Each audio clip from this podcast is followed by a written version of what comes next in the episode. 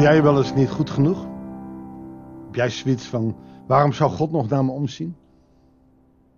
Of misschien ken je wel mensen die zo denken. Die zichzelf onderuit halen. Bijzondere mensen, maar die zeggen ik ben niks waard. Ken jij ze? Moeilijk hè, om met uh, te praten. En als jij iemand zo bent, dan is het heel moeilijk om met jou te praten. Ik kan jou vertellen dat jij Gods zeer gewaardeerde en geliefde kind bent. Hoe kan ik het bij je binnenkrijgen? Nou, misschien met het laatste gedeelte van Twee Koningen, want er gebeurt iets, ja, vind ik toch wel bijzonders. Maar laten we eerst het hele gedeelte maar lezen, want het is aan het eind. Goeiedag, hartelijk welkom bij een nieuwe uitzending van het Bijbels Dagboek. Het allerlaatste gedeelte van Twee Koningen. En dan gaan we volgen, gaan we nu Matthäus het weekend en volgende week openbaringen. Boeiend, ik heb er zin in. Maar eerst het laatste gedeelte, en ook dat is boeiend. We lezen 2 Koningen 25, vers 18 tot en met 30. De hoge priester Seraya, zijn plaatsvervanger Zephania en de drie priesters die aan het hoofd van de tempelwacht stonden, werden door Nebuzaradan, de commandant van de lijfwacht, gevangen genomen. En uit de stad haalde hij de raadsheer die belast was met de oorlogszaken. Vijver de vertrouweling die vrij toegang had tot de koning. De secretaris en de opperbevelhebber die tot taak had het volk onder de wapenen te roepen. En zestig mensen uit het gewone volk. Priesters, legeraanvoerders en ook nog eens 60 man, gewoon volk. Deze personen werden voor Nebuzaradan gevangen genomen en naar Ribla overgebracht, naar de koning van Babylon. Deze liet hen in Ripla in het gebied van Hamad ter dood brengen. Als je, net als God, je toorn over een volk laat gaan, dan lijkt het wel of er geen genade is. Zo werd Juda uit zijn land weggevuurd en in ballingschap gebracht. En over het deel van het volk dat van koning Nebukadnezar van Babylon en Juda mocht blijven, stelde hij Gedalia, de zoon van Agikam, de zoon van Safan, als gouverneur aan. En toen de bevelhebbers van het leger en de manschappen daarvan hoorden, zochten zij Gedalia in Mispa op.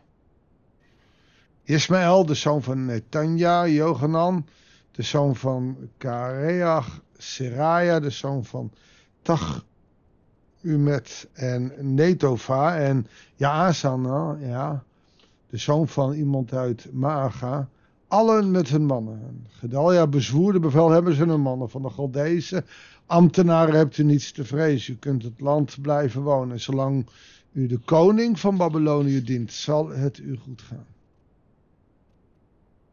Mensen proberen een compromis te sluiten. Om te blijven wonen, om te blijven leven. Maar in het zevende maand van dat jaar kwam Ishmael, de zoon van Netanja, de zoon van Elisama, die tot de koninklijke familie behoorde, met tien man naar Mispa. Ze doden Gedalia en de Judeërs en Gedalia die bij hen, en de Galdeën die bij hen waren. En uit angst voor de Galdeën nam daarop heel het volk van hoog tot laat, met de bevelhebbers van het leger, de vlucht naar Egypte. Je ziet dat Gedalia het over moet nemen en aan wordt gesteld door uh, Babyloniërs. En dat hij gaat regeren in Judea, Judea of Juda en uh, in, in Jeruzalem. Maar dat hij dus huilt met de vijand. En dat wordt niet gepikt. Ismaël, een neef of zo van het koninklijk huis, hoort het. En hij vermoordt deze man. Maar omdat de Galdeën sterk zijn, vluchten ze naar Egypte. Zie je dat die vlucht naar Egypte vaak gebeurt? En telkens komen ze daar vast te zitten en moeten ze daar ook weer wegvluchten. Het is van de ene vijand naar de andere vijand. En dan komt het laatste gedeelte. In het 37ste jaar van de ballingschap van koning Joachim van Juda. Hij zit dus al 37 jaar gevangen in ballingschap. Op de 27e dag van de 12e maand verleende koning Ewil Merodach van Babylon, dus is een andere koning gekomen, hem ter gelegenheid van de troonsbestrijging gratie en ontsloeg hem uit de gevangenis. Koning Ewil Merodach verzekerde hem van zijn welwillendheid en bevoorrechte hem boven de andere koningen die gedwongen in Babylon verbleven.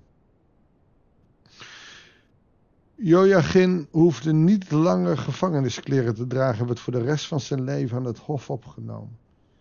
Zijn dagelijks onderhoud werd voortaan door de koning voorzien, zijn leven lang. Als je teruggaat, twee hoofdstukken, dan zie je dat koning Joachim deed wat slecht is in de ogen van de Heer. En toch, 37 jaar 37 jaar niet in vrijheid.